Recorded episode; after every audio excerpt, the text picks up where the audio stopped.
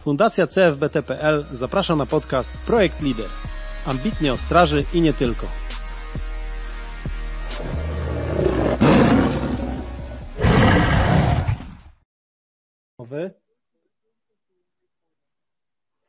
Także uruchomiliśmy nagrywanie. No dobra, e, chyba wszystko, chyba wszystko jest ok. Także w tym miejscu leci jingle. Słuchacze jeszcze nas nie widzą, a a może nas zobaczą, zobaczymy. W każdym razie zaczynamy? Zaczynamy. Dobra. Cześć, witam wszystkich w kolejnym odcinku podcastu Projekt Lider, ambitnie o straży i nie tylko. Ułożyłem sobie w głowie tak, że co jakiś czas będę nagrywał odcinek specjalny i wiem, że być może dwa pełne odcinki to jest e, bardzo wcześnie, żeby nagrać odcinek specjalny, ale ponoć sposobność trzeba chwytać, a ja mam niesamowitą okazję porozmawiać dzisiaj z bardzo interesującą osobą, co powiem szczerze sprawia mi ogromną satysfakcję i mam nadzieję, że y, wybór już po tej rozmowie, wybór tej osoby sam się obroni. Z pewnością jestem tego pewien, e, ponieważ dzisiaj e, porozmawia z nami Sylwia Królikowska. Dzień dobry. E, kim jest Sylwia i skąd się znamy? Spotkaliśmy się przypadkiem, ponieważ byliśmy oboje prelegentami TEDx Likusy. Ja na swoim profilu na Facebooku udostępniałem fragment wystąpienia Sylwii o stereotypach. Uważam niezwykle trafne, a poza tym do, dostarczone w niebywale atrakcyjnej formie, co samo w sobie jest już dowodem na to, że Sylwia przede wszystkim y, pasjonuje się tym, co robi i potrafi przemawiać do ludzi. Y, sama o sobie Sylwia napisała, że jest z wykształcenia psychologiem na swojej stronie jest z wykształcenia psychologiem, z zawodu trenerem biznesu, a z zamiłowania supernianią liderów. Z pewnością wrócimy do tego. Ja już obiecywałem w różnych y, odcinkach, że będę oddawał głos moim prelegentom i Sylwio, za chwilę Tobie oddam pełnię mikrofonu, ale jeszcze skończę przedstawianie Ciebie. Od ponad 17 lat wspiera największe firmy w Polsce i na świecie w osiąganiu ponadprzeciętnych rezultatów. To nie są przechwałki, wystarczy zajrzeć na stronę sylwiakrólikowska.com i spojrzeć na logotypy, jakie tam figurują. W sposób bezpośredni i konkretny, a, za, a zarazem pełen energii przekazuje wiedzę i doświadczenie, ucząc jak podnosić efektywność działania. Od ponad 10 lat prowadzę kompleksowy cykl szkoleń w, w ramach Akademii Lidera.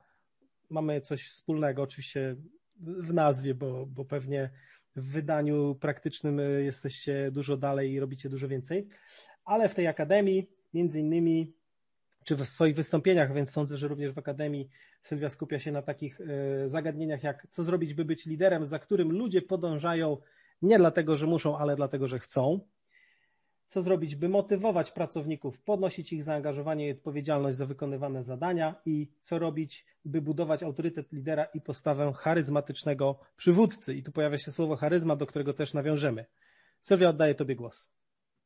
Dobry, witam serdecznie. Czy coś, coś chciałbyś, żebym o sobie jeszcze dodała, czy... Jeśli jest coś do dodania.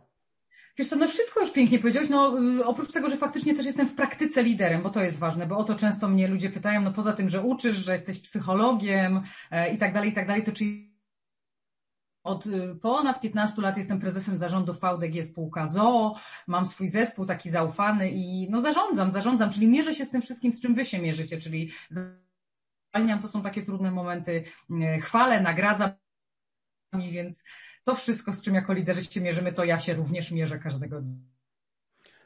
Okej, okay. strażacy wykonują taki zawód, w którym przede wszystkim praktyka jest ważna, także myślę, że już, że tak powiem, to co powiedziałaś na pewno, wiesz, kupuje ci uznanie u naszych e, słuchaczy.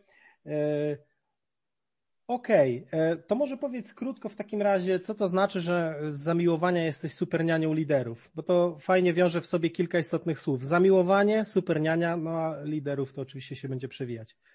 No, zamiłowanie, czyli pasja, wiesz, jako pasja rodzi profesjonalizm, to jest w ogóle w coś, co ja głęboko wierzę, czyli ja faktycznie bardzo, bardzo Natomiast superniania to ja przychodzę zazwyczaj, kiedy jest jakiś problem, niestety, bo wtedy firmy najczęściej korzystają z moich usług, czyli ajuto, ratunku, Sylwia, mamy pożar, tak? Ja nie mam takiego pożaru jak wy macie w firmie. Ewidentnie jest konflikt albo chce odejść, albo ktoś zgłosił na kogoś skargę. I wtedy ja przychodzę, sprawdzam, co się dzieje, jakie są fakty, jakie opinie. Próbuję zrobić coś, żeby ci, ci, ci ludzie się dogadali między sobą.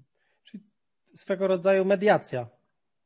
Też są mediacje, tak, są mediacje, albo wiesz, bardzo często jak przychodzi, przychodzi do mnie lider i na przykład mówi, kurczę, no mam fajnego pracownika, widzę, że jest potencjał, widzę, Kościół nie robi na przykład, nie robi. No ewidentnie taki albo zdolny leń, no albo nie wiem, czy nie działamy w obszarze jego talentu. Coś się takiego dzieje, że on jakby mógł, to mógłby mieć super rezultaty i super wyniki i świetnie działać, ale po prostu na przykład mu się nie chce, nie? E, mhm. albo w zespole odnaleźć. To się też często zdarza, że, mm, że, że ktoś jakby nie pasuje, nie, nie potrafi się dogadać, nie ma złej woli często.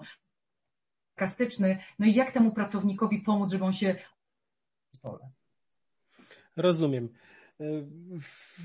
Taką uwagę wtrącę, widzę tutaj czasami się pojawiają jakieś problemy techniczne. Przez krótki moment czasu Ciebie wycina. Ja będę próbował na ten czas Twoich wypowiedzi ściszać swój mikrofon. Zobaczymy, czy to pomoże. Dobra. E, to są dosłownie sekundy, nie, nie sekundy, ułamki sekundy, także nie, nie tracimy wątku, no ale technologia jest taka, jaka jest, musimy się z tym zmierzyć. Chwilę rozmawialiśmy o połączeniach internetowych Okej, okay, pewnie o tym też moglibyśmy odpłynąć i mówić o tym, jak interakcja międzyludzka zmieniła się w momencie, kiedy wszyscy zostali zmuszeni, a już teraz przyzwyczajeni do kontaktów zdalnych. Dobra. To jest w ogóle niesamowite, wiesz, ja wspominam, jak przed pandemią kilka że praca z domu to jest nagroda. Ja jakiemu pracownikowi można pozwolić na to, żeby pracował z domu, a potem nagle bum, wszyscy do domu. Bardzo wiele osób nie chciało, bo się właśnie technicznie kwestia motywacji, tylko kwestia kompetencji. Ja w ogóle jestem taką fanką takiej matrycy kompetencje i motywacja. To tak się po angielsku ładnie nazywa skill will.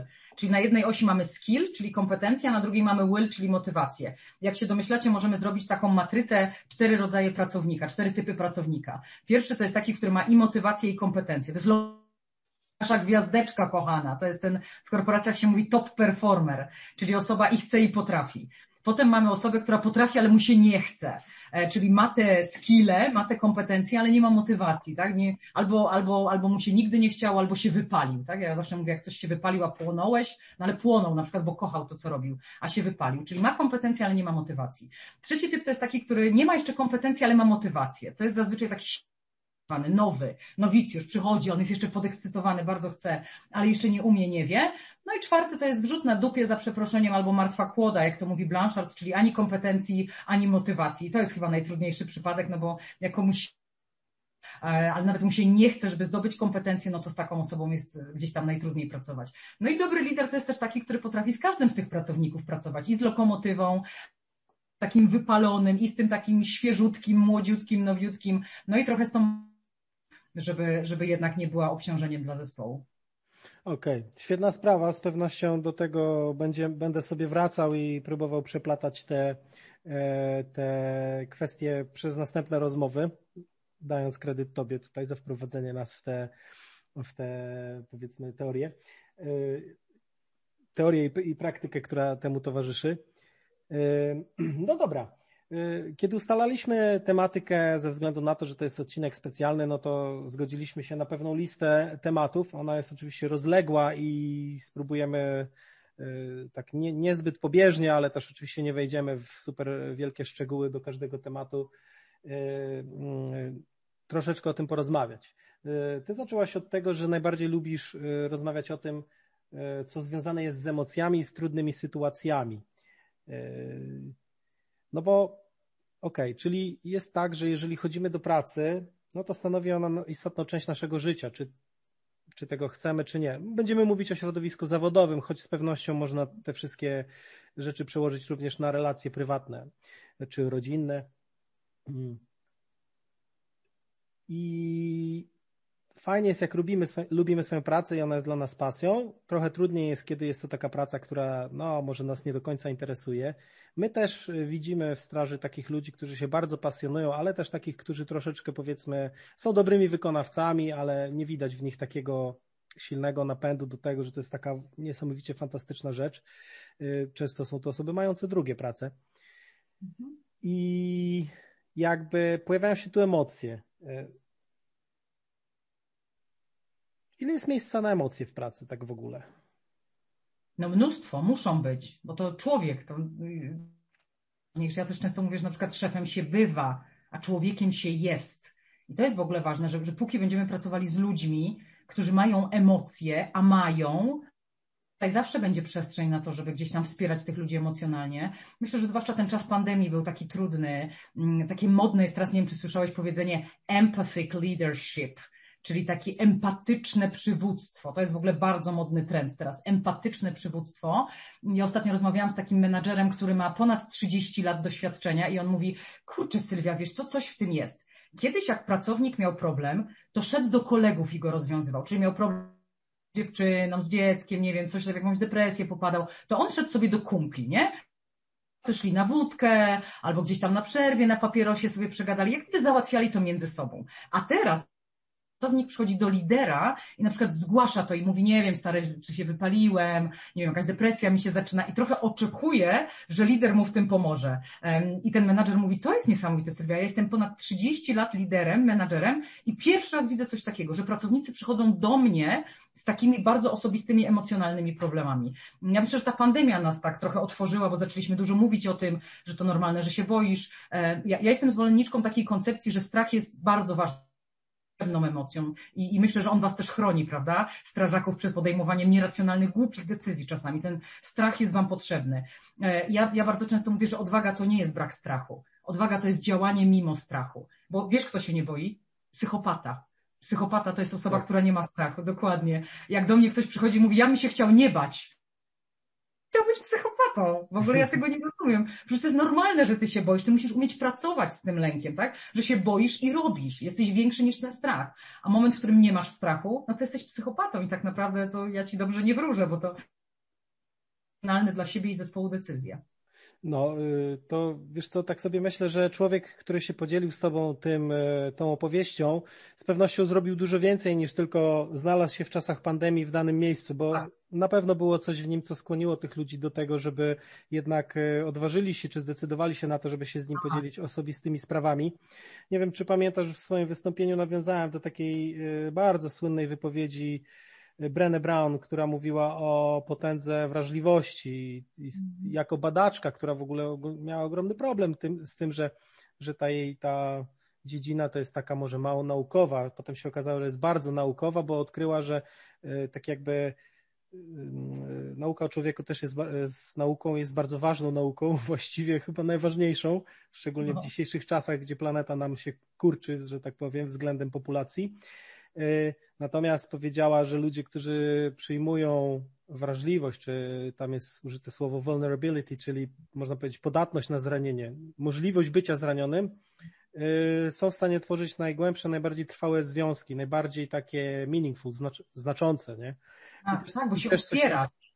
bo się otwierasz, bo, bo nie ma tej takiej maski, że to nie jest twoich ludzi patrzeć, że bo to nie jest inspirujące patrzeć nie? Znaczy nas, nas to może ciekawić. Nie wiem, czy oglądałeś tam House of Cards, czy tam Suits, Suits w garniturach, Harvey Specter tam trochę, narcyzem na pewno jest, ale z psychopaty też ma sporo.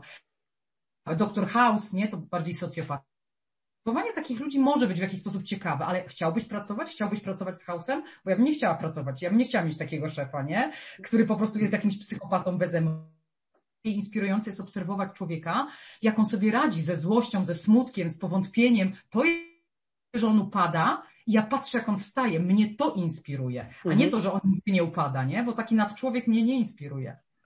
No właśnie, wiesz, ja też być może, wiesz, bardzo, bardzo, bardzo takim przemawiającym do mnie mm, obecnym myślicielem, mówcą jest Jordan Peterson. On też bardzo dużo mówi na temat tego, że E, jak, jak e, ważne jest próbować. Nawet jeżeli poniesiemy porażkę, czy nie osiągniemy zamierzonego celu, to sam proces nas wiele uczy, a nie próbując, no, nie uczymy się niczego, a wręcz może uczymy się bierności, nie? czyli tak. w, w drugą stronę. Widzisz, to jest w ogóle bardzo ważna rzecz, bo to jest pytanie o porażkę, bo na przykład y, jak mnie ktoś pyta, Sylwia, twoja największa porażka i powiem Ci, że ja mam problem i teraz nie dlatego, że nie mam w życiu porażek, tak, bo od 40 lat pasmo sukcesów i w ogóle, wiesz, czerwony dywan, bo to nieprawda, tylko, że ja jak patrzę to ja tam nie, ja tam widzę lekcje. I teraz ja bym nie była tu, gdzie jestem, gdybym kiedyś od kogoś w dupę na przykład nie dostała za przeproszeniem. Jak sobie myślę o moim zespole, to mój zespół nie wygląda tak samo, jak wyglądał 5 lat temu, 10 lat temu, 15 musiałam z niektórymi ludźmi rozstać. I teraz tak. pytanie brzmi, czy to była moja porażka człowieka? Nie wiem, to była lekcja, którą ja musiałam odrobić, żeby tutaj dzisiaj, w 2021 być w zespołem, który jest zespołem moich marzeń. Bo ja mam teraz zespół, ja za tymi ludźmi one widzę, też za sobą pójdą w ogień, tak już mówiąc przysłowiowo, ale mhm. dlatego, że te wszystkie doświadczenia mnie tego nauczyły, więc to nie lekcje. Okej, okay. wiesz, mam podobne doświadczenia. Y, to jest trochę tak, że też y, to, to, co potem się wydarza, mm, jest nam w stanie dać jakiś feedback na temat tego, czy to były dobre, czy złe decyzje. E, z pewnością rozwinęły, choć totalnie, nawet to nie powiem, że wypchnęły, tylko tak jak na zakręcie człowiek może wypaść z samochodu, to tak wyrzuciły ze strefy komfortu na bruk, trochę się człowiek poturbował, ale mówił, trzeba się otrzepać i iść. Pytanie brzmi, czy wziąłeś lekcję, wiesz, bo ja, ja uważam, że jest różnica między feedback a feed forward. Nie wiem, czy znacie te dwa pojęcia. Okej, okay, nie feedback, znam. Feedback i feed forward. Feedback Aha. to jest zawsze do tyłu. Bawię w takiego doktora trzeba było. Czyli siadam i rozpamiętuję, a może trzeba było tam iść, a trzeba było to zakręcić, albo trzeba było to otworzyć. I człowiek siedzi trochę kmini, wiesz, mieli tą przeszłość. A feed forward to jest człowiek wstaje, otrzepuje kolana i mówi, dobra, jaka to jest lekcja. Ale siada i mówi tak, to ja sobie teraz zapisuję albo w głowie, albo gdzieś, żeby na przyszłość A, B, C, D. Bo ja mam wrażenie, że jak się mówi, że ludzie uczą się y, na błędach. Nieprawda. Nie, ja znam bardzo wiele osób, które popełniają w kółko te same błędy i w ogóle się nie uczą. Ludzie uczą się w momencie, w którym mają refleksję i mówią, dobra, to to jest dla mnie, nazywają sobie to, mówią na głos, mówią, dobra chłopaki, na przyszłość pamiętamy, to się wydarzyło, to, to my już tego nie cofniemy. To jest feedback, nie? Możemy mhm. podyskutować, czemu to się zawaliło. I możemy pogadać o tym, ale feed forward. Co zrobić na przyszłość, żeby to się nie zawaliło? Nie? Jaką Jasne. lekcję bierzemy? Fantastyczna sprawa.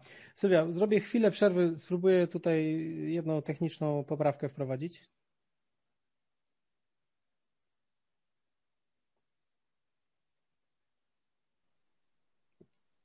To nas być może na chwilę rozłączy, rozłączyło, ale teraz zobaczymy. Chwilę. Słucham? Ja się boję, Szymon, że to jest mój internet, że to nie ty, tylko ja. Y, mój też nie jest dobry, także mhm. jesteśmy w tym razem, nie? Tylko czemu minus i minus nie daje plusa? Y, słuchaj, y, ja ci powiem, że wszystko to, co uda nam się nagrać z pewnością będzie wielkim plusem, bo ja już to okay. widzę. Wiesz co, to jest bardzo fajne, bo, bo kurczę, ja bardzo często mówię i też słyszę od na przykład mojej najbliższej osoby, że słowa mają znaczenie, nie? I to feedback i feed forward też jest takim, no, wartym do zastanowienia się konceptem, nie? Mega, bo to jest informacji zwrotnej pracownikowi, jak pracownik coś spieprzy, to ty możesz no. usiąść i powiedzieć tak, Staszku, a po co tam lazłeś? A po co to zrobiłeś? A trzeba było, i teraz wiesz, on się ma tłumaczyć przed tobą, czemu podjął taką, a nie inną decyzję. No tylko on już czasu nie cofnie. Możecie o tym pogadać, ale mądry lider to jest taki, który mówi, dobra Staszek, dobra, było, minęło jaką ty lekcję chłopie z tego bierzesz na przyszłość? Na co my się, uwaga, na co my się umawiamy, to jest ważne słowo, na co my się no, reguła konsekwencji. Ja też tak z moim synem robię. Jak mój syn coś odwali, mam nastoletniego syna, to ja mówię, dobra dziecko, specjalnie to zrobiłeś? Nie. Żałujesz? Tak. Dobra. Przepraszasz? Przepraszam. Jaką lekcję bierzesz? Na co my się z tym umawiamy? Na Jasne. co my się umawiamy? Słuchaj, jesteśmy świetni, bo przechodzimy do drugiego tematu, komunikacja. Tu oczywiście no. ja będę chciał uderzyć w coś takiego jak precyzyjna komunikacja, bo właśnie mój guru, że tak powiem, Jordan Peterson zawsze mówi be precise in your speech, wyrażaj się hmm. precyzyjnie. Tak. I, e, I to właśnie takie mm, patrzenie w przód, mnie kiedyś tego przełożony nauczył, byłem dosyć młodym jeszcze pracownikiem, e, funkcjonariuszem e, w wydziale, w którym się zajmowaliśmy współpracą międzynarodową. Robiliśmy ważny projekt. Po wakacjach miały być duże ćwiczenia, trójstronne, e, Polska, Rosja, Litwa, obwód kaliningradzki i Kłajpeda. I coś tam nie wydarzyło się. No ja byłem osobą, która głównie była w biurze w wakacje, no bo tam powiedzmy jeszcze nie miałem takich zobowiązań życiowych i tak dalej, także siedziałem sobie w pracy. No a starsi koledzy poszli na, na wakacje i pod koniec sierpnia spotykamy się, no i szef pyta, czy to zostało zrobione. A ktoś mówi, nie zostało. Ja nie zrobiłem. E, ty miałeś zrobić. Nie, ja nie miałem, bo to, a wtedy się umawialiśmy. A on tak jakby tak pieprznął ręką w dobra, wiecie co? Wy się teraz będziecie przede mną wygłupiać, a to do, nikt od nas nie zaprowadzi. Mnie interesuje, kto to zrobi i na kiedy. Tak. A dlaczego to się nie wydarzyło, to ja sobie sam y, się zastanowię, bo to jest akurat tak. moja odpowiedzialność, że to się nie wydarzyło. Wiesz, takim konceptem, który kurczę też dziś mi bardzo przyświeca, jest taki drugi koleś, którego lubię śledzić, on się nazywa Jocko Willing, to jest były komandos i on e, mówi o czymś takim jak extreme ownership, nie? Czy takie, no przetłumaczono tę książkę jako e, ekstremalne przywództwo, ale on twierdzi przede wszystkim, że lider odpowiada za wszystko i zawsze. Bo niezależnie od tego, czego zespół nie zrobi, to lider jest od tego, żeby być liderem, nie? Czyli ta komunikacja jest jedną... odpowiedzialność, bo to jest odpowiedzialność, Otóż bo bycie liderem to jest większa odpowiedzialność niż przywilej moim zdaniem. Że tam przywilej, ja coraz częściej ludzi, którzy mówią, ja nie wiem, czy ja chcę być liderem, bo po prostu to jest tak olbrzymia odpowiedzialność, nie? Bo to nie może być tak, że ty usiądziesz i po prostu będziesz paluszkiem pokazywał ty to, ty to, ty to, bo to ludzie nie pójdą, zwłaszcza to najmłodsze pokolenie, pokolenie Z urodzone po 95, to są ludzie, którzy potrzebują role model, bo bardzo trudno jest zbudować autorytet, bo na przykład autorytet wiedzy. Dzisiaj wiedzy to jest Google, tak? Google ma więcej wiedzy niż autorytetem wiedzą, to wygoogluje. Mhm. Natomiast to jest autorytetem, role model. I ja widzę, jak mój syn przepięknie to sprawdza. Mówi tak, a ty to zrobiłeś, że to zrobiłaś, nie? Czy jak gdyby pokaż mi, jak to zrobić i wtedy ja faktycznie będę za tobą podążał. Mhm. Więc, więc myślę, że to jest bardzo ważne, że zrozumienie zrozumienie, że lider to jest, bycie liderem to jest przede wszystkim olbrzymia odpowiedzialność. Jak nie, nie jesteś na to gotowy, no to się może po prostu w to nie baw i tyle, nie? I, I to są trochę zupełnie inne skille niż bycie specjalistą. Ja mam często wrażenie, że w wielu firmach, nie wiem jak to jest u Was, w Waszej branży, obserwuję, to to, że bierze się najlepszego specjalista i awansuje się go na stanowisko tracimy fajnego specjalistę, a zyskujemy całkiem przeciętnego lidera. Hmm. Niestety tak u nas jest. Pomijam, że rządzą też tymi różne, czasami pozakulisowe tematy, w które nie wypada mi się zagłębiać, ale mm, nie jest to tajemnicą. Natomiast e, z pewnością coś, czego nam brakuje, co myślę, że można powiedzieć, bo to jest jakby normalne i to jest y, świat, świat funkcjonuje według tych zasad, to szkolenia liderskie dla naszych y, komendantów, ponieważ oni zazwyczaj ich nie mają. Okay. I... To ciekawe, bo ja uważam, że liderem się człowiek nie rodzi. No właśnie, no właśnie, kurczę, no dobra, bardzo, bardzo fajnie y, łapiemy wszystkie te tematy, bo to, co teraz powiedziałaś, to tak trochę nawiązuje do takiego tematu, który ja zapisałem, czyli servant leadership, czyli mm. przywództwo, czekaj, jak to tak. po polsku powiedziano? Przywództwo służebne. Służebne, służebne, tak, służebne. Okej, okay. powiesz coś o ja tym? Powiem, tak, tak, znaczy ja ci powiem tak, ja, ja jestem zwolenniczką tej koncepcji. Znaczy ja uważam, że tutaj może powiem coś kontrowersyjnego, ale ja uważam, że nie zawsze lider jest odpowiedzialny za rezultaty. Ja uważam, że lider ludzi, którzy są odpowiedzialni za rezultaty, bo ty sam nie dowieziesz tego. Znaczy ty sam, nie wiem ile byś miał sprzętu, nie zrobisz tego, co zrobi dziesięciu twoich ludzi. I teraz rezultat. Ty jesteś odpowiedzialny, którzy są odpowiedzialni za rezultat. I teraz jeżeli wywołać, jeżeli mi dogadać, jeżeli nie umiesz tak tego wszystkiego spiąć, że to działa, no to ewidentnie coś jest, coś jest nie tak z tobą jako liderem. No i ja uważam, że lider powinien po prostu nie przeszkadzać. To bardzo często mm, ten typ pracownika lokomotywa, nie? Czyli skille i wysokie wille, czyli i wysokie kompetencje i wysoką motywację, to ja się, jak ja się pytam tak bardziej motywuje, to oni mówią, żeby mi nie przeszkadzał. Żeby mi nie przeszkadzał, żeby dał mi robić swoje, dał mi narzędzia, dał mi przestrzeń, nie wiem, tam pochwalił mnie czasami, ale niech mi się nie wpiernicza, bo ja wiem, co ja mam robić, nie? Nie masz pojęcia, ile razy to powiedziałem w życiu. No, Sorry, taka autoreklama, nie? No, że tak. mam, wiesz, wysoki will i wysoki skill, ale, ale tak. miałem takie wrażenie niejednokrotnie. E, niekoniecznie, bo, bo ja się angażuję na wielu płaszczyznach e, mhm. jako strażak zawodowy, jako strażak ochotnik, jako aktywista, prowadzę teraz fundację i w stowarzyszeniu działam i tak dalej, także, ale, ale to jest e, niesamowite. Komunikacja, wiesz co, ja swego czasu zainteresowałem się czymś takim jak porozumienie bez przemocy, Mm, teoria Marsz mhm, Rosenberga. Przeszedłem troszeczkę e, warsztatów e, z taką trenerką tutaj, którą e, ktoś nam polecił, to była Ewa Marzul. Ewa zgodziła się wystąpić w jednym z kolejnych odcinków, także porozmawiamy na pewno dużo o komunikacji. Mhm. Komunikacja, nie? Zobacz, jako jedyny, znaczy, okej, okay, różne stworzenia też się komunikują, ale my posunęliśmy komunikację do tego yy, poziomu, że poleciliśmy w kosmos chociażby, albo nie wiem, wierciliśmy się w glebę, albo zeszliśmy na dno oceanu, yy, ponieważ umiemy zapisywać myśli i one tworzą, nazwijmy to, dorobek cywilizacyjny. Mhm. Yy, ale mam wrażenie, że w dzisiejszych czasach ludzie bardzo dużo rzeczy mówią niedbale, nie dobierając słów i też nie rozumiejąc, że podstawową formą komunikacji właściwie jest to, żebyśmy się dobrze zrozumieli, czyli nie sprawdzając tego, jak, yy, jak efekt naszej rozmowy przebiegł, na co się umówiliśmy, czy obie strony rozumieją to w ten sam sposób. Yy, bardzo wierzę w to, że precyzyjne wysławianie się jest tego takim bardzo silnym fundamentem. Co możesz powiedzieć o komunikacji ze swojej strony? O, Jakie masz... Znaczy z mojej strony chciałam 70%, 70% sytuacji po super niania ludźmi, to podstawą nie Czyli na przykład ktoś chce komuś sprawić przykrość, e, intencja, nie? To nie jest tak zwany błąd serca, czyli mhm. że ja chcę dla ciebie źle, że ja chcę ci sprawić przykrość, że jestem psychopatą albo cokolwiek takiego. 70% sytuacji, kiedy jest konflikt między ludźmi, psychologii na to mówi błąd założonej identyczności. Błąd założonej identyczności. Że ty myślałeś, tak jak i my jesteśmy w ogóle zaszokowani, że inni ludzie nie myślą tak, jak my myślimy. Uwaga, hmm. nie myślą. Inni ludzie nie myślą tak, jak my myślimy.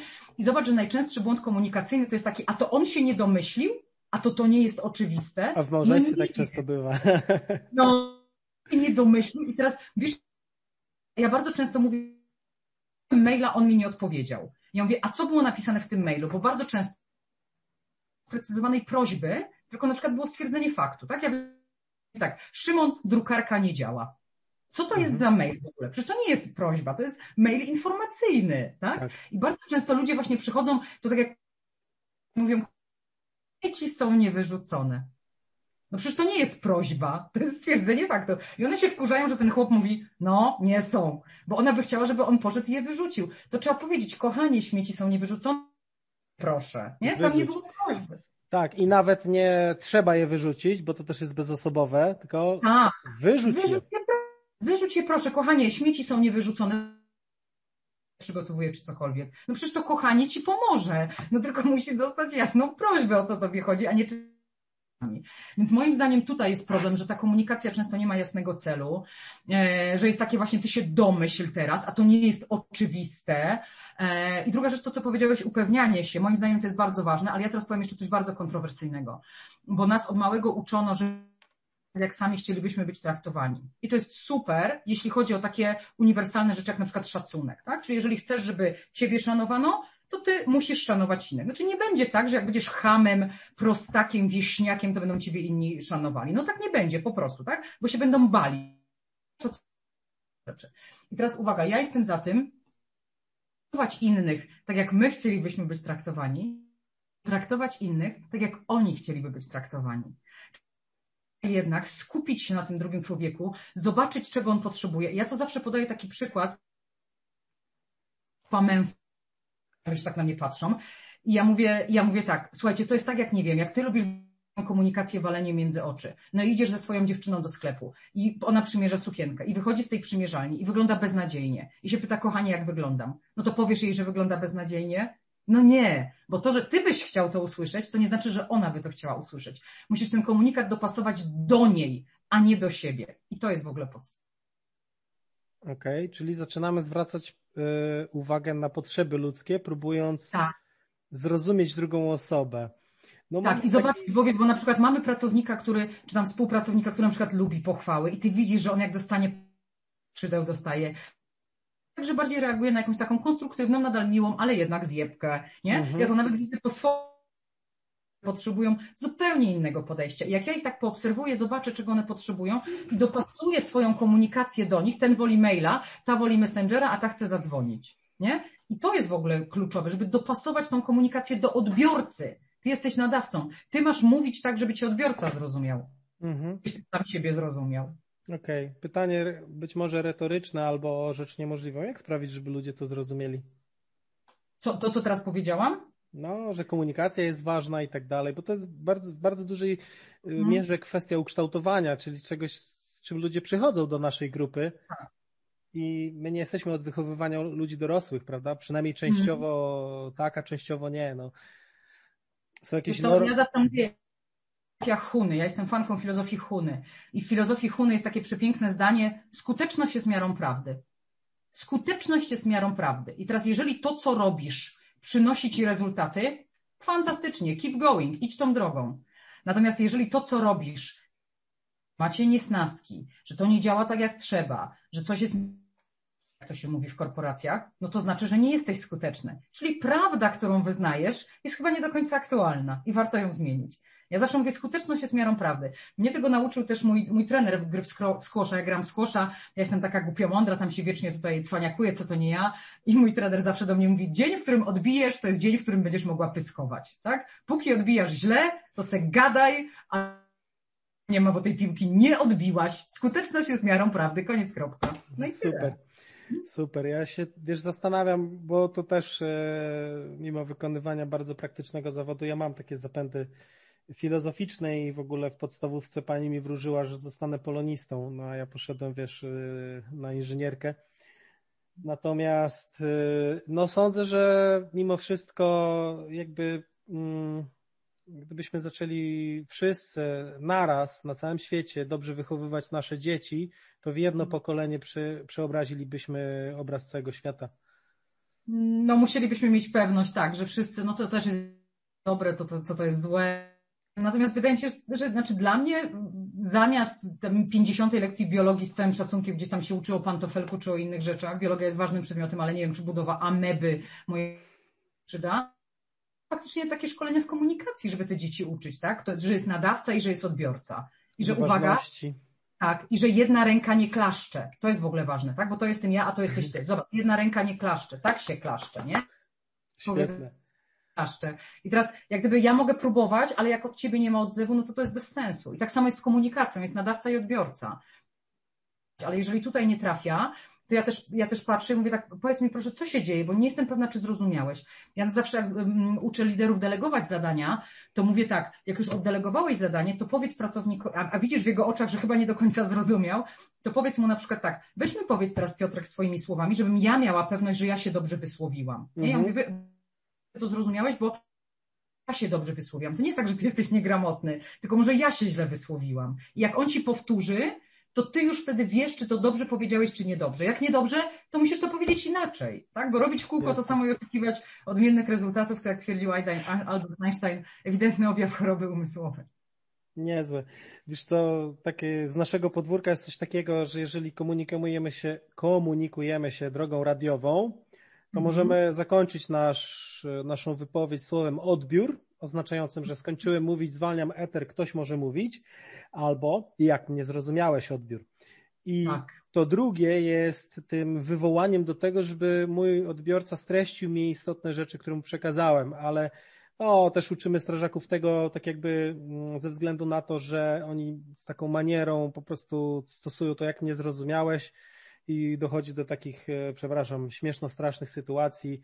No, mamy poszkodowanego, oberwało mu głowę. Jak mnie zrozumiałeś odbiór? No, prawidłowo. Zrozumiałem cię prawidłowo. I takie prawidłowo, i takie, znaczy mamy takie, A, okay. takie nawyki, ale to jak, jak mnie zrozumiałeś jest takim, jest takim mm -hmm. też y, powiedzmy czymś, co ludzie stosują, nie wiedząc tak jakby, czy nie pamiętając z teorii komunikacji radiowej, że jeżeli rozmawiamy, to rozmawiamy, ale jeżeli jest bardzo ważna informacja, od której zależy na przykład skuteczność naszych działań, tak. to, to wywołujący mówi, jak mnie zrozumiałeś, a y, odbierający powtarza, streszcza istotne sprawy, na przykład, nie wiem, Ratunek, ratunek, y, strażak woła do dowódcy. Jestem w piwnicy, przycisnęła mnie belka, kończy mi się powietrze, jak mnie zrozumiałeś. Rozumiem, mhm. jesteś w piwnicy, kończy ci się powietrze, wysyłam tobie tam kogoś na, y, do uratowania ciebie.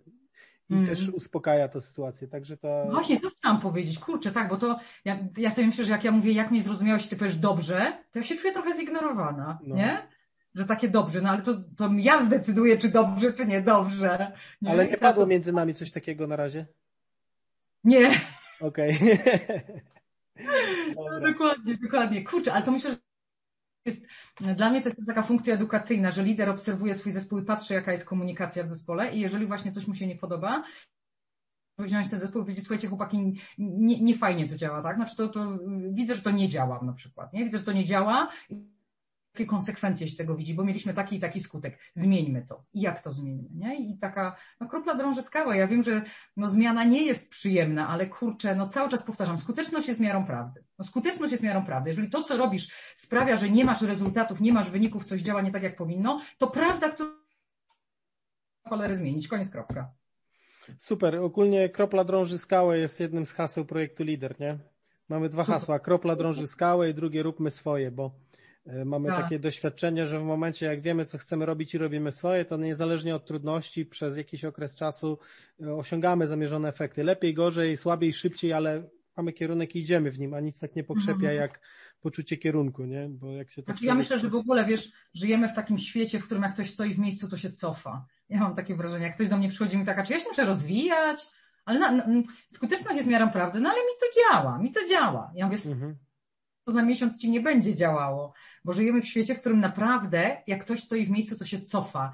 Ja ostatnio rozmawiałam z dziewczyną z Google, mówi, że w ciągu ostatnich 10 miesięcy pandemii technologicznie świat wykonał postęp, jak w ciągu ostatnich 10 lat. No. Przez 10 miesięcy musieliśmy wykonać postęp, jaki wykonaliśmy i teraz wyobraź sobie, że ktoś staje w miejscu, nie? I się w ogóle nie rozwija. No przecież cofnął się w ogóle 10 lat. No. Więc to jest niesamowite. Akurat ktoś sobie zrobił taki, wiesz, e, roczny urlop na podróż dookoła świata. Nie, to by nie było możliwe, bo podróżowanie nie było możliwe. Tak, tak. No dobra, w tym wszystkim kluczową rolę wydaje się odgrywają właśnie te potrzeby ludzkie, zwracanie uwagi na tego drugiego człowieka. Ja odkąd poznałem model hierarchii potrzeb Maslowa, choć wiem, że powiedzmy pewne rzeczy zostały zdezaktualizowane, czy zarzucono jakąś taką powiedzmy może... Hierarchiczność, wiesz, znaczy piramida tak. potrzeb jest ma nadal potrzeby, tylko Maslow w swojej koncepcji twierdził, to w latach 50. bodajże, że jak jest ta piramida, to że te potrzeby czyli na przykład fizjologiczne, bezpieczeństwa, przynależności, one muszą być zaspokojone, żeby mogły być zaspokojone potrzeby wyższego rzędu, czyli na przykład samorozwój. Jak to pisał kiedyś Gustaw Herling-Grudziński, człowiek głodny nie nie? Czyli najpierw tam musi być jeść, pić, spać, seks, bezpieczeństwo, przynależność i dopiero potem samorozwój. Natomiast my, patrząc na przykład na współczesną Japonię, gdzie tam panowie biorą ślub z lalkami, nie wiem, czy słyszałeś takie rzeczy, tak. albo w ogóle cała, cała koncepcja wirtualnych związków y, z, z jakimiś tam awatarami, pokazuje, że człowiek wcale nie musi mieć zaspokojonych tych potrzeb niższego rzędu, że potrzeby wyższego rzędu.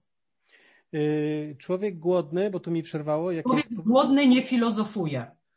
Okay. Gustaw Herling-Grudziński, ale vis-a-vis, którego jego dzieła. Gustaw Herling-Grudziński, człowiek głodny nie filozofuje. Okej, okay, ale, ale właśnie, właśnie w tym e, tonie mm, e, zajrzałem dzisiaj do hierarchii potrzeb Maslowa na, no akurat na Wikipedii, żeby powiedzmy sobie ten trójkąt e, tutaj wyświetlić. Aha. I jest taki przykład jak to, że w latach wojny funkcjonował teatr polski gdzie mhm. poczucie bezpieczeństwa z pewnością nie było zaspokojone, ale, ale ludzie mieli wyższe potrzeby. Tak, Okej, okay, tak. tu jest zgoda, natomiast... To, jest, to, to przepięknie, nie wiem, czy czytałeś Viktor Frankl, Człowiek w poszukiwaniu sensu. Nie czytałem, zapisuję. Viktor Frankl, Człowiek w poszukiwaniu sensu. To są jego doświadczenia obozowe z obozu Auschwitz, gdzie tak naprawdę ten człowiek nadzieja powinna, powinna zniknąć i taka niesamowita wola życia, co człowieka trzyma, taka wola istnienia. Bardzo poruszająca książka, bardzo Wam wszystkim polecam. Ona się stała w ogóle potem podstawą dla Stevena Coveya i jego książki Siedem na działania, gdzie Covey mówi właśnie o proaktywności, czym się różni proaktywność, reaktywność, a u podstaw leży właśnie Viktor Frankl.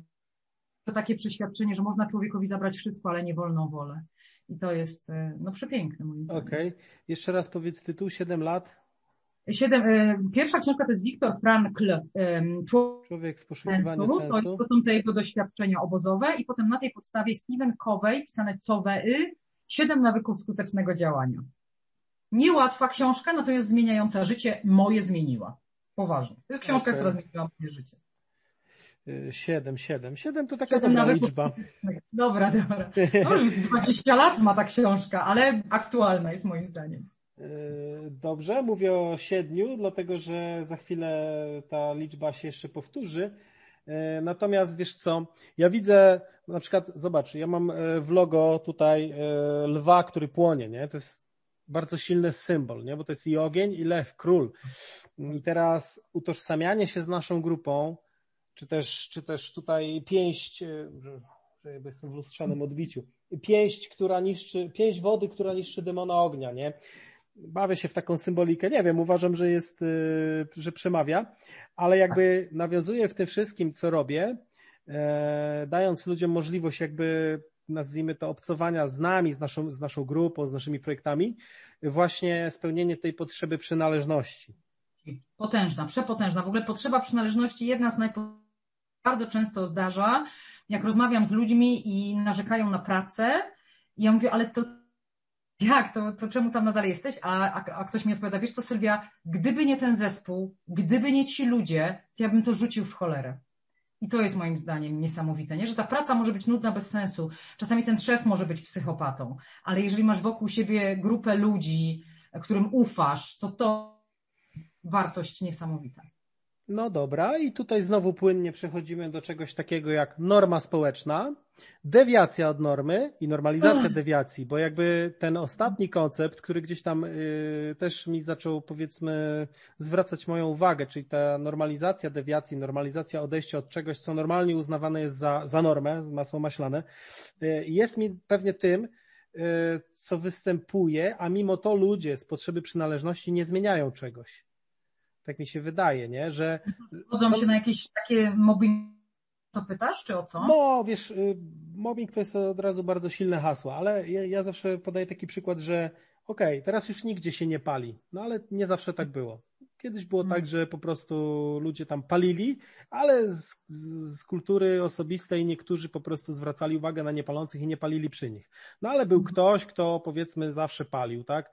I mhm. no, jeszcze bardziej, jeżeli ta osoba zajmowała jakieś stanowisko takie powiedzmy mhm. pośrednie lub wyższe, no to nie każdemu wypadało zwracać mu uwagę na różne rzeczy. I to jest jakby dewiacja od normy społecznej, a ta normalizacja polegała na tym, że ostatecznie wszyscy śmierdzieli i wdychali, bo, no bo palił ktoś ważny, tak? Mm, mhm. I u nas na przykład w straży istnieje bardzo wysoki potencjał do tego, żeby ludzie nie traktowali się w sposób taki nazwijmy to bardzo wysoce empatyczny, tylko taki bardziej szorstki, bo charakter naszej misji jakby troszeczkę to wymusza. To znaczy my, my mamy bardzo ściśle określoną hierarchię, gdzie zawsze wszędzie tak jest, ale u nas powiedzmy gra toczy się o życie ludzkie, więc, więc te emocje są, jest ten, jest ta presja, jest ta bardzo wysoka odpowiedzialność, również odpowiedzialność karna za błędne decyzje. E, widzimy po różnych przykładach, jak toczą się procesy, na przykład y, po pożarze w Koszalinie, w Escape Roomie, gdzie cały czas gdzieś tam y, powiedzmy kwestionowane są różne mm, posunięcia straży. Oczywiście tam jakby główną rolę odegrało stan ochrony przeciwpożarowej tego obiektu, ale gdzieś tam rodzina też na przykład zastanawia się nie, y, na ten temat, czy no przy innych zdarzeniach zawsze jesteśmy eksponowani. I ta hierarcha w połączeniu z tą misją sprzyja temu, że ludzie po prostu e, przyjęli, że rozkaz to jest po prostu taka świętość i czasami... Właśnie chciałam, chciałam powiedzieć, że mi się wydaje, że ta specyfika wasza trochę zachęca do takiego, to jest taki styl zarządzania, który się nazywa zamordyzm. Czyli po prostu rób, nie dyskutuj, nie? I teraz tak zwany zamordyzm. Znaczy ja sobie myślę, że wiesz, że jak ja tam pracuję w niektórych korporacjach i tam życia nie ratuję, no to powiedzieć, porozmawiajmy, tam rozpulchnijmy się poznawczo, coś może razem wymurzymy życie ludzkie, ja tu nie mogę, panowie, no to rozpolknij. Nie, tylko to trzeba bum, bum, bum, trudno, robi się. Że to jest chyba problem, jeżeli człowiek stosuje zawsze i wszędzie ten sam styl zarządzania, bo ja jestem fanką tak zwanego situational leadership, czyli zarządzanie sytuacyjne, koncepcja Blancharda, która mówi o tym, żeby dopasować styl zarządzania do sytuacji i do ludzi. I teraz, jeżeli jest sytuacja zagrożenia, jesteśmy, jest akcja, tak, jest życie ludzkie, no to oczywiście, że ja się nie pytam, to chodź Szymon, pogadajmy, rozpulchnijmy się, tylko ja mówię Szymon to, Karol to, Tomek to i krótka piłka, nie ma przestrzeni na dyskusję, ale potem wracamy, tak, jeżeli już, już nie ma akcji, to tu się pojawia przestrzeń, gdzie możemy na przykład zaprosić ludzi, powiedzieć, słuchajcie, pogadajmy, co tam się wydarzyło, tak, co zauważyłeś, dajemy sobie wzajemnie informację zwrotną, czego się uczymy na przyszłą akcję, to już nie musisz stosować tego stylu zamordyzm, nie? Mhm. Elastyczność. Dla mnie, dla mnie dobry lider to jest właśnie lider elastyczny, który potrafi dopasowywać sytuacji do sytuacji. Przestrzeń na zamordyzm? Tak pewnie jest, tylko nie nadużywaj i nie do każdej sytuacji. No właśnie i wiesz co, to co powiedziałaś, e, troszeczkę mi też e, taki koncept przywiodło na myśl, bo ja jestem takim zwolennikiem tego. Ja jestem, mm, ja siebie uważam za wyko wykonawcę, choć no mam jakieś tam stanowisko już e, w straży i tak dalej. więc nie mam problemu z wykonywaniem pewnych, pewnych rzeczy, ale mm, tak jakby z tego, ale też z życia, z różnych sytuacji czerpię coś takiego, co nazywam tak może powiedzmy, mm, czy inaczej, opisuję takimi słowami, że każdą relację tworzą dwie strony. To znaczy, tak jak ty pokazywałaś to e, klaskanie, że jedna ręka nie klaszcze. Mm, I my możemy w pewnej hierarchii mieć coś, co jest nam narzucone jako styl, ale my też jakiś wpływ mamy na to. Tak. E, I dlatego uważam, że tak jakby nawet z poziomu osoby podwładnej w hierarchii jesteśmy w stanie te relacje kształtować. To się tak niepopularnie może nazywać, wychowywać sobie przełożonych, tak jak się mówi, że wychowuje tak. sobie pracowników, tak? Działa to tak. w dwie strony. Oczywiście e, im zdrowsze środowisko, tym bardziej jest to respektowane, bo po prostu osoba określa, gdzie są moje granice, na co się zgadzam, na co się nie zgadzam, tak? Ile tego zamordyzmu może być, czy wolno przy tej okazji na przykład przekląć, a może obelgę zastosować, czy ona będzie odebrana po przyjacielsku, ja na przykład y, bardzo lubię sobie dogryzać z moimi kolegami i się śmiejemy z tego, żaden z nas się nigdy na to nie tak. obraził i nie obrazi. Szymon, y, to nie jest tak, że tobie y, coś w kółko nie wychodzi, ty po prostu jesteś słabszy. Mówi do mnie mój kolega Krzysztof i ja się z tego śmieję, nie? To jest po prostu śmieszne dla mnie. Okay. I, tak sobie, I tak sobie dogryzamy, dogryzamy, ale, ale gdzieś tam oczywiście y, działamy profesjonalnie. Jesteśmy przede wszystkim profesjonalistami, za takich się uważamy. Poświęcamy mm. bardzo dużo, pasja nas właśnie y, bardzo mocno do tego y, pcha, żeby bardzo dużo energii poświęcić na to, żeby być wiesz, doskonałymi w, w swym rzemiośle. Y, ale też właśnie siłą rzeczy ja zauważam, że wszędzie tam, gdzie jest ta pasja, jest ten profesjonalizm, tworzy się pewnego rodzaju rozdźwięk, Projekt Leader mhm. jest też takim zawołaniem do tego, żeby dążyć do wyższych standardów i jednym z takich zdań, które napisałem, nie jest naszym celem, żeby na naszym tle ktoś wypadał źle, ale jest tego mhm. nieuchronną konsekwencją, ponieważ my wierzymy w wysoki standard i, i będziemy mu hołdować i będziemy do niego dążyć. Jeżeli ktoś na naszym tle wypadnie źle, to nie jest nasz problem, to jest problem tej osoby. Mm. I to wszystko, nie? Także staram się motywować ludzi do tego, żeby, wiesz, przełożyli absolutnie wielką wartość do tak. tego, co tworzą, nie? Znaczy dla mnie to jest w ogóle, ja jestem fanką synergii, wiesz? Słowo synergia, jeden plus jeden równa się trzy.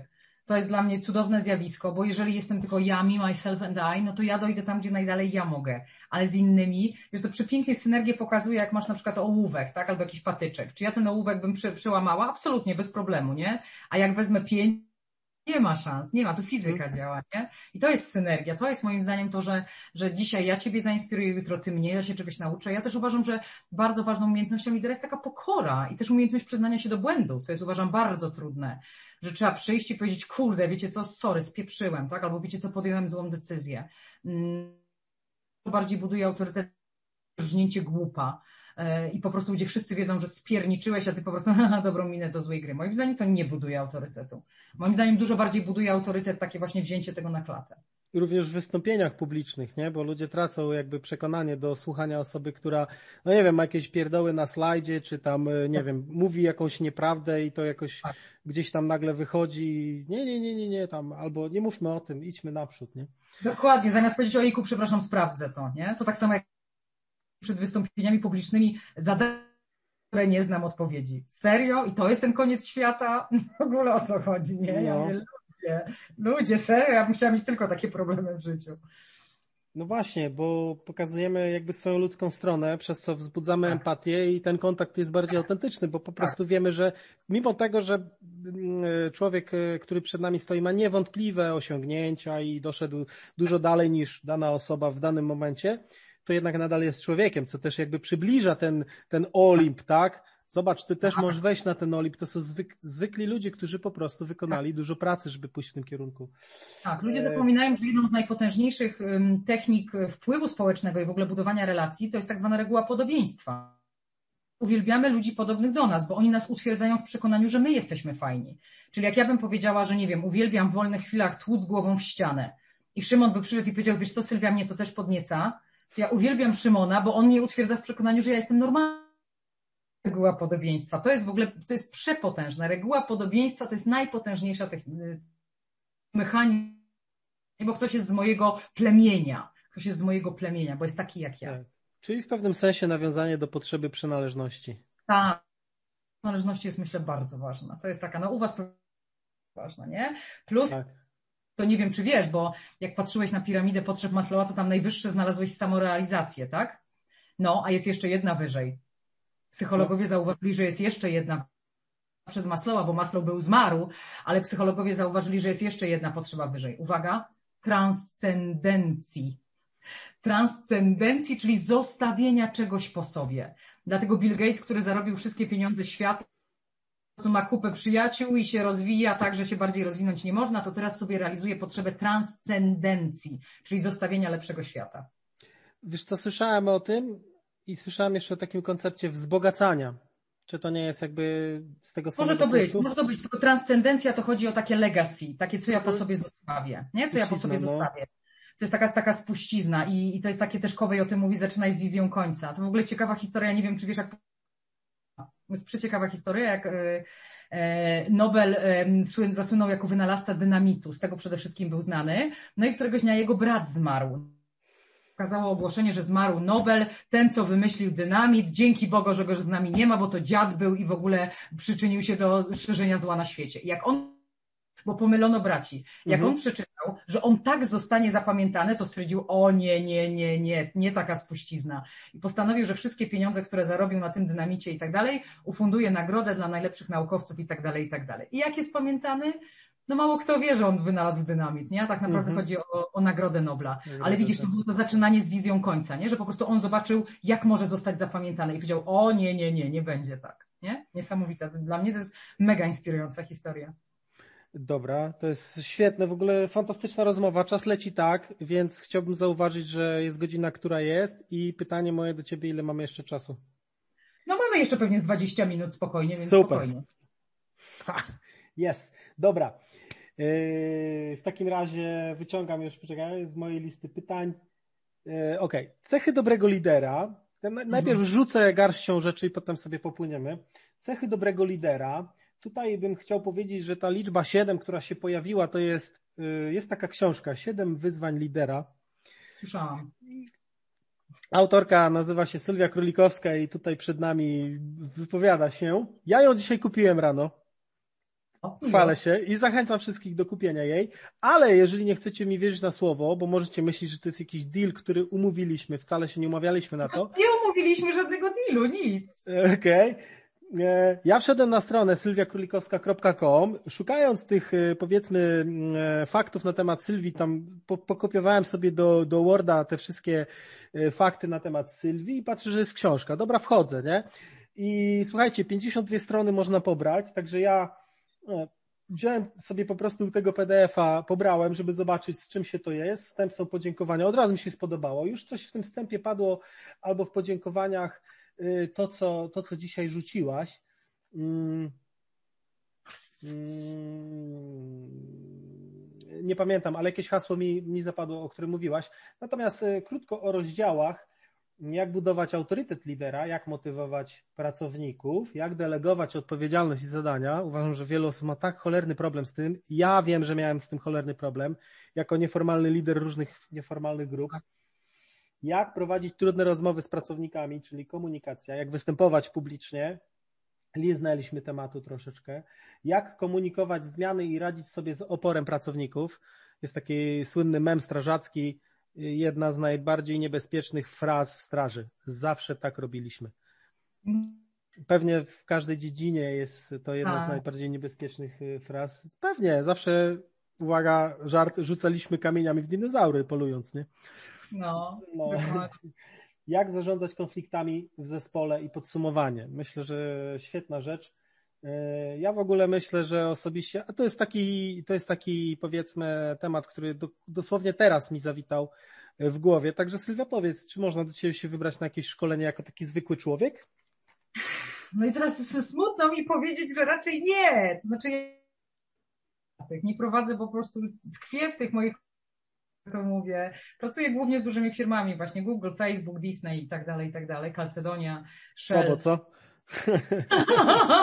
I po prostu jest kochana.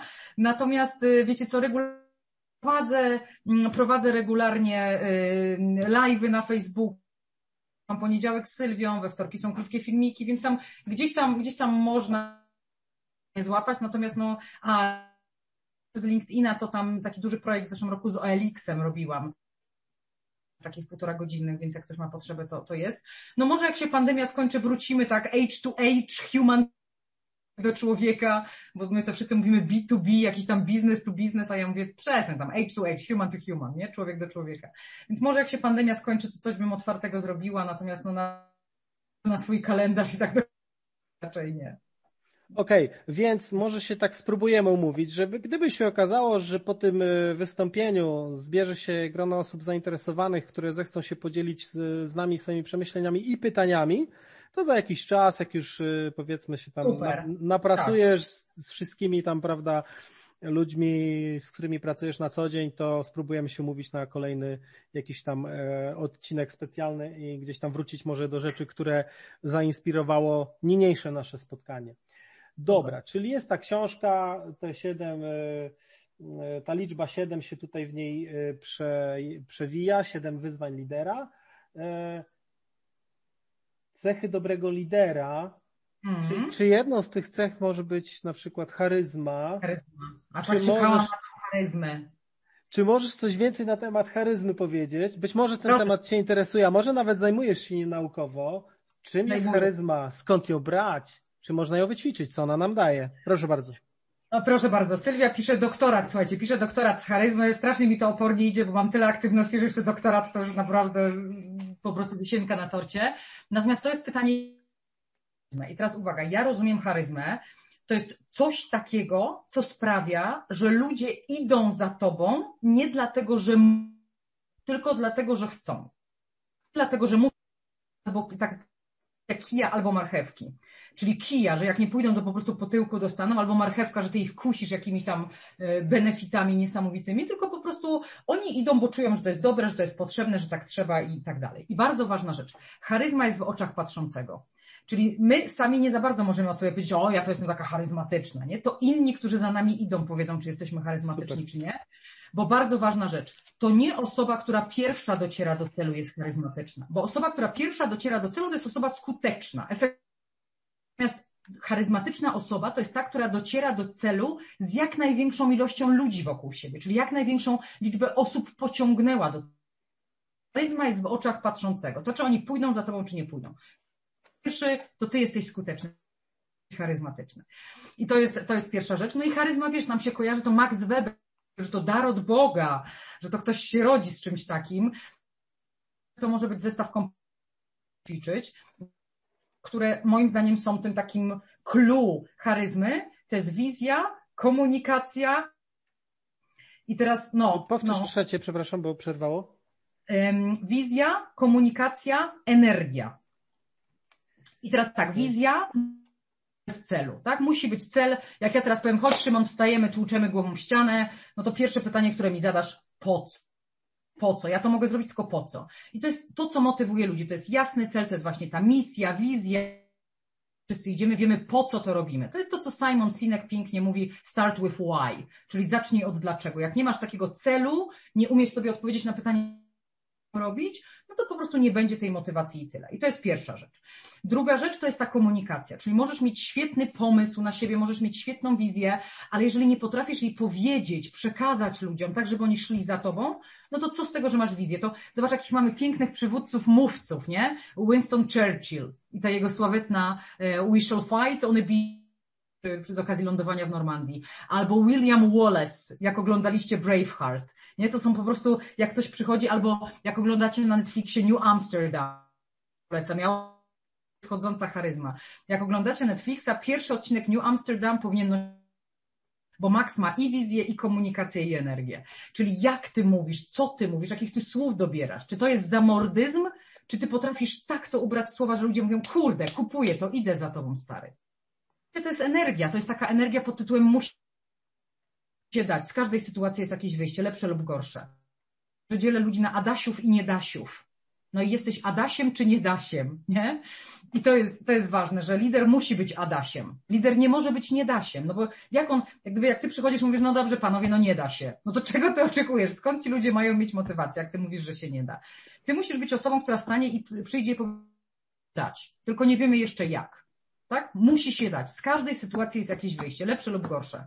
Tylko po prostu może jeszcze na to nie wpadliśmy u siebie po swoim zespole, że jak do mnie przychodzą dziewczyny, bo ja mam teraz głównie y, zespół żeński, że jak przychodzą dziewczyny z jakimś problemem ja mówię, kurde dziewczyny, nie wiem, nie wiem, no nigdy, nigdy nie byłam sama w takiej sytuacji, ale wiecie co? Musi się dać. Musi się dać. Zaparkujmy na godzinę, nie wiem, przegadajmy, przemyślmy, ja pójdę pobiegać, nie wiem, z psem wyjdę, coś, coś może mi się w głowie otworzy, ale musi się dać. I one przychodzą po godzinie i mówią, miałaś rację, musi się dać, nie? Bo lider ma właśnie zapalić, nie? Mhm a nie można zapalić innych samemu nie płonąc, więc to jest podstawa. Też, też ludzie są bardzo błyskotliwi, są niesamowici i też lider uważam, jakby dopuszcza to do siebie, dając ludziom nadzieję, tak? Jakby też tak. może właśnie otwiera ich na to i oni sami przyniosą rozwiązanie, powiedzą, zobaczcie, jest takie. I lider chyba też potrafi powiedzieć, kurczę, właściwie w tym samym czasie ja wpadłem też, wpadłem, wpadłam na jakieś rozwiązanie, ale to jest lepsze. Słuchaj, no. bierzemy, bierzemy twoje, jest piękna, to jest taka piękna pokora lidera, taka kurczę, ale żeś to fajnie wymyślił, robimy. Jakie to jest motywujące, to w ogóle nie umniejsza autorytetu lidera. To jest niesamowite. Ja, Potrzeba ja uznania. Mówię, tak, Bardzo ale ja też zawsze mówię o, o jednej rzeczy, że widzi las, ludzie widzą drzewa. I to jest że, że ludzie widzą drzewa i są czasami wpaść, są w stanie wpaść na rozwiązania, na które lider z perspektywy lasu tego nie widzi. Dlatego musisz słuchać ludzi, musisz być uważny, bo mnie się wielokrotnie zdarzało, że moi ludzie wpadali na pomysły, na które ja bym nie wpadła, bo ja tego nie widziałam z perspektywy lasu, a oni to widzieli z perspektywy drzewa. Mhm. I to jest ważne. Super. No dobra, charyzma to jest jedna cecha. Pewnie mhm. jeszcze skromność czy pokora to też tak. gdzieś tutaj nam wybrzmiało. Tak. E, komunikacja, energia jako składowe charyzmy, wizja, komunikacja, energia. I szacunek do mm. ludzi, moim zdaniem podstawowy.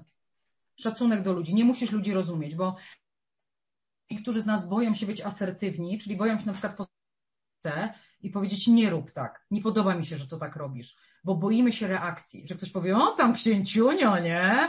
I tak dalej, że, że ktoś nas obśmieje, że jak postawimy granicę, to albo ktoś zareaguje agresywnie, albo nas obśmieje. A cię cię szanować, tak? Ja też bardzo często nie rozumiem ludzi y, z ich niektórymi decyzjami, natomiast staram się szanować. I moim zdaniem to jest lider, który po prostu szanuje ludzi, nie zawsze ich pewnie rozumie, no bo oni są inni, tak? Ja to, taki modny koncept jest ostatnio WWO, nie wiem czy słyszałeś, e, wysoko wrażliwe osoby. Mhm.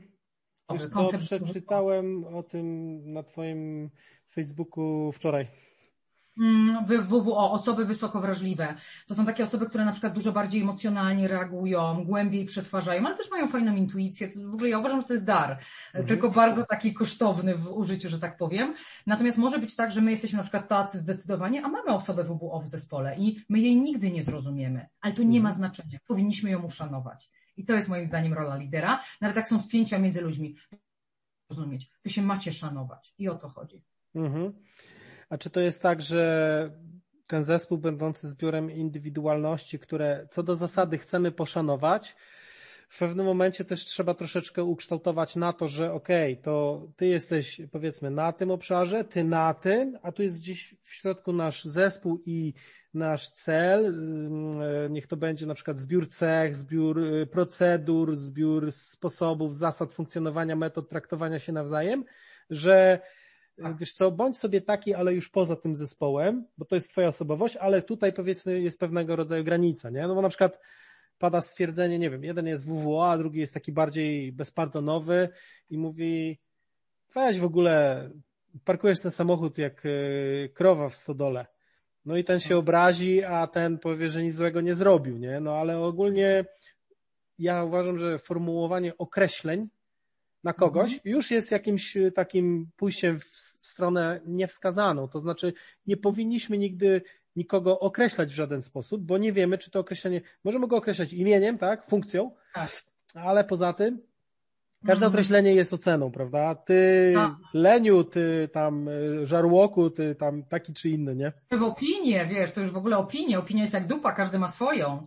I teraz jak ktoś przychodzi i mówi, ty jesteś leniem, to jest twoja opinia, co się wydarzyło z poziomu faktów. To już jest w ogóle temat rzeka, fakty versus opinie. Jak ludzie sprzedają swoje opinie językiem faktów i są zdziwieni, że ktoś się nie zgadza. No Porozumienie nie zgadza, bez przemocy. Obserwacja, no, tak, tak. emocja, ale nie ocena. Ale nie ocena. Myślę sobie, wiesz co, to jest bardzo trudny temat, no bo, bo to, to, to trochę nie jest tak, znaczy jak, jeżeli ty jesteś WWO, to to nie jest tak, że to jest jakiś przełącznik masz w głowie, tak, i sobie mhm. wyłączysz go. I teraz w pracy ja nie jestem WWO. Jesteś sobą.